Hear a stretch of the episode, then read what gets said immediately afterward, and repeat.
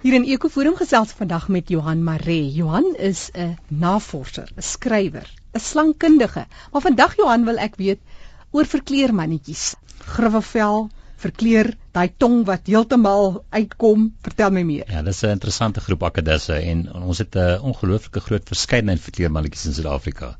So ons het die gewone flapnek, die groot groene wat ons hier op die hoofvel baie goed ken wat jy ja, dikwels nie sommer oor die pad sien stap. Uh dan is daar 'n Namakwa verkleer want ek het baie na verwant is aan die aan die aan die aan die groene. En uh soos die naam uh, aandui kom die verkleermerkie hoofsaaklik in Namakwaland voor tot in Namibië. En dit is baie bruiner wees. Baie bruiner en 'n 'n grond 'n grondlewende verkleermannetjie wat meeste van sy tyd op die grond spandeer en redelik vinnig kan beweeg wat uh ongewoon is vir die verkleermannetjies. En dan het ons 'n hele groep dwergverkleermannetjies. Uh die mense van die Kaap uh, sal hulle goed ken. Hulle is baie algemeen in die Kaap. Durban het sy eie dwergverkleermannetjie. Daar's sekere daar's 'n dosyn of meer spesies en ons is heidaglik besig om nog 'n hele paar te beskryf. En daar's klein bevolkingkies wat net in spesifieke bosse in KwaZulu-Natal in 'n spesifieke woud voorkom. Uh daar's enetjie wat weer net in St. Lucia omgewing voorkom. En ehm um, die een van die groot verskille tussen die dwergverkleermannetjies en die gewone verkleermannetjies behalwe die grootte is dat die dwergverkleermannetjies het almal lewendige kleintjies. Hulle is lewendbarend. En daai klein klein verkleermannetjie kan tot 16 of meer kleintjies op beslag uh, aan geboorte gee. Sjoe, dan as jy nou praat van klein, hoe klein is die kleinste en Hulle is uh, die die die die klein dwergverkleermannetjies is uh, nie eers helfte die grootte van 'n gewone verkleermannetjie soos, soos ons hulle ken nie. Mm -hmm. Hulle is regtig baie klein. Mm. En kleurvolle, die kleure varieer vreeslik afhangende van natuurlik na watter spesies mens kyk en waar jy is maar uh, hulle het van die pragtigste kleure, die roois en blous en en geel en groen en uh, van hulle is ongelooflik kleurvol. En veral die mannetjies, jy weet die mannetjies het die kleur nodig om die wyfies nader te lok. En wanneer die mannetjies, hulle is vreeslik gebiedsvas. En as 'n mannetjie 'n ander mannetjie sien, is daar 'n oorlog. Hulle word baie donker in kleur en hulle val mekaar baie maklik aan en uh mhm. -huh. byt in gante kere. En dan het ons 'n interessante stertjie met so krul ja, maak aan die ja, einde. Ja, die stertjie is 'n is 'n vyfde lidmaat. Die stertjie word gebruik om aan takke vas te hou. So jy sal vind dat jou boomlewende verteermannetjies het 'n baie beter ontwikkelde stert uh waarmee hulle kan hang aan 'n tak voor hulle nou 'n uh, goeie greep op 'n volgende tak kry. En dan hulle voetjies is ook hulle drie pootjies. Dit is eintlik dis dis twee dis twee, twee paar ja, dis dis twee dele mm -hmm. en dit is spesifiek nou om aan aan aan takkies te kan vat.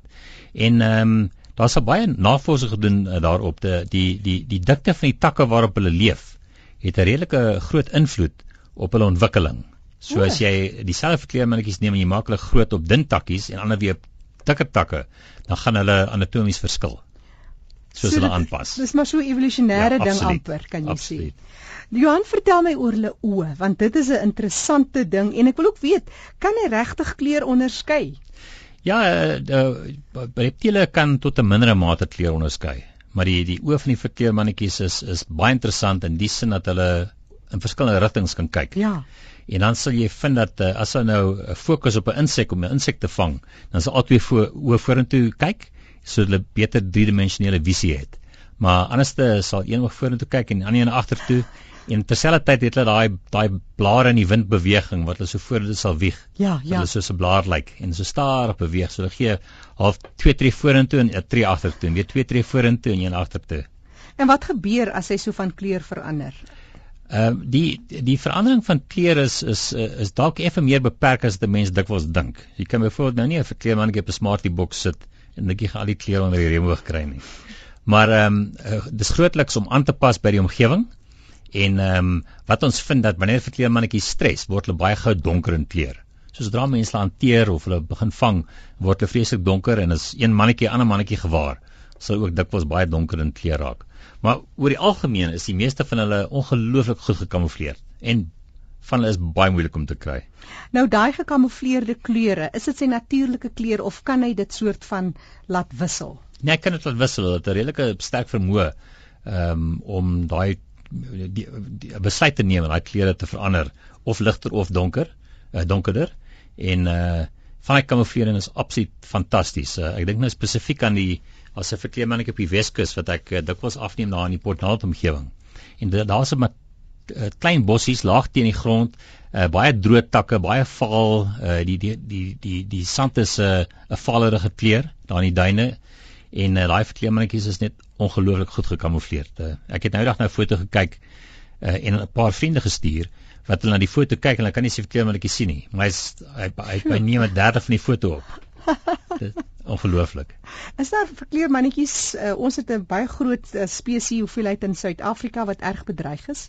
Ja, ehm um, daar is uh, heelwat van ons dwergverkleermannetjies die wat wat uh, wat bedreig is tot 'n uh, verskillende mates en uh ons het dit nou onlangs geadresseer daar's nou binnekort 'n nuwe publikasie wat uitkom wat die bedreigde status van elke reptiel baie goed gaan beskryf. Mm -hmm. Dis 'n projek waar ons 5 jaar gewerk het, 'n uh, groot aantal mense en uh, die dokument die dokument sal binnekort verskyn en daaronder word baie van ons verkleermannetjies gelys as as bedreig. Vertel my van 'n verkleermannetjie se tong en hoe lank is so 'n tong? die tong die tong is ongelooflik lank. Die tong is uh, amper so lank soos die lyf. Uh -huh. En ehm um, uh, die die die aksie hoe die tong uitskiet is 'n uh, redelik interessante aksie wat al redelik uh, baie aandag ontvang het van navorsers in die verlede. Maar ek ek sê baie keer vir mense maar is amper soos 'n wat lemoenpit in jou vingers vas te druk en wat jy so vorentoe skiet dit is amper so aksie en dit die die tong is ehm um, is is natterig so die die punt van die tong is uh, redelik dik dikker as die res van die tong en hy sal dan sodra hy kontak maak met 'n insek sal hy insek dan vassit in die tong en dan word natuurlik teruggetrek in die mond en en en gekap. Dan rol die tong nou soort van terug in 'n rolletjie. Hy trek meer terug as hy oprol oh, nee, hy trek eintlik meer terug as hy oprol. So dis soos 'n spier wat eintlik ja, langer uitrek. Heeltemal korrek. En so gesels Johan Mares, langkundige, navorser en skrywer van die boek What's That Reptile. Johan, vir iemand wat dalk met jou wil bietjie gesels oor reptiele, sommer net oor die interessanthede, sommer wonderlike idees wat hulle wil uitruil en dalk vertel van iets wat hulle dink baie besonder is in hulle omgewing. Gee vir ons bietjie kontakbesonderhede. Goed, ek gaan my selnommer gee. 082 494 2039 en my e-pos is uh, Johan en dan die aapster en dan reptileventures.com. Ek het baie mense wat my foto's stuur vir al hmm. slange vir identifikasie en die luisteraars is baie welkom. Hulle kan vir my MMS stuur met hulle selfone as hulle slang afneem en dan is seker wat dit is nie en is ook baie welkom om foto's per e-pos aan te stuur. En dan die die webblad is uh, reptileventures.com. Johan Mare wat gesels het en net gou weer hy kontakbesonderhede gemaak het draai op reptileventures.com Jy kan seker ook daar 'n verbintenis na jou e-posadres adres kry. En ek het ook uh vreeslik baie fotos daarvan slange wat mense sal help met die uitkenning van slange waar, waar wat hulle dalk teekom. Of jy kan ons sommer vinnige luitjie gee, SMS stuur vir MMS by 082 494 2039. Ek herhaal 082 494 2039.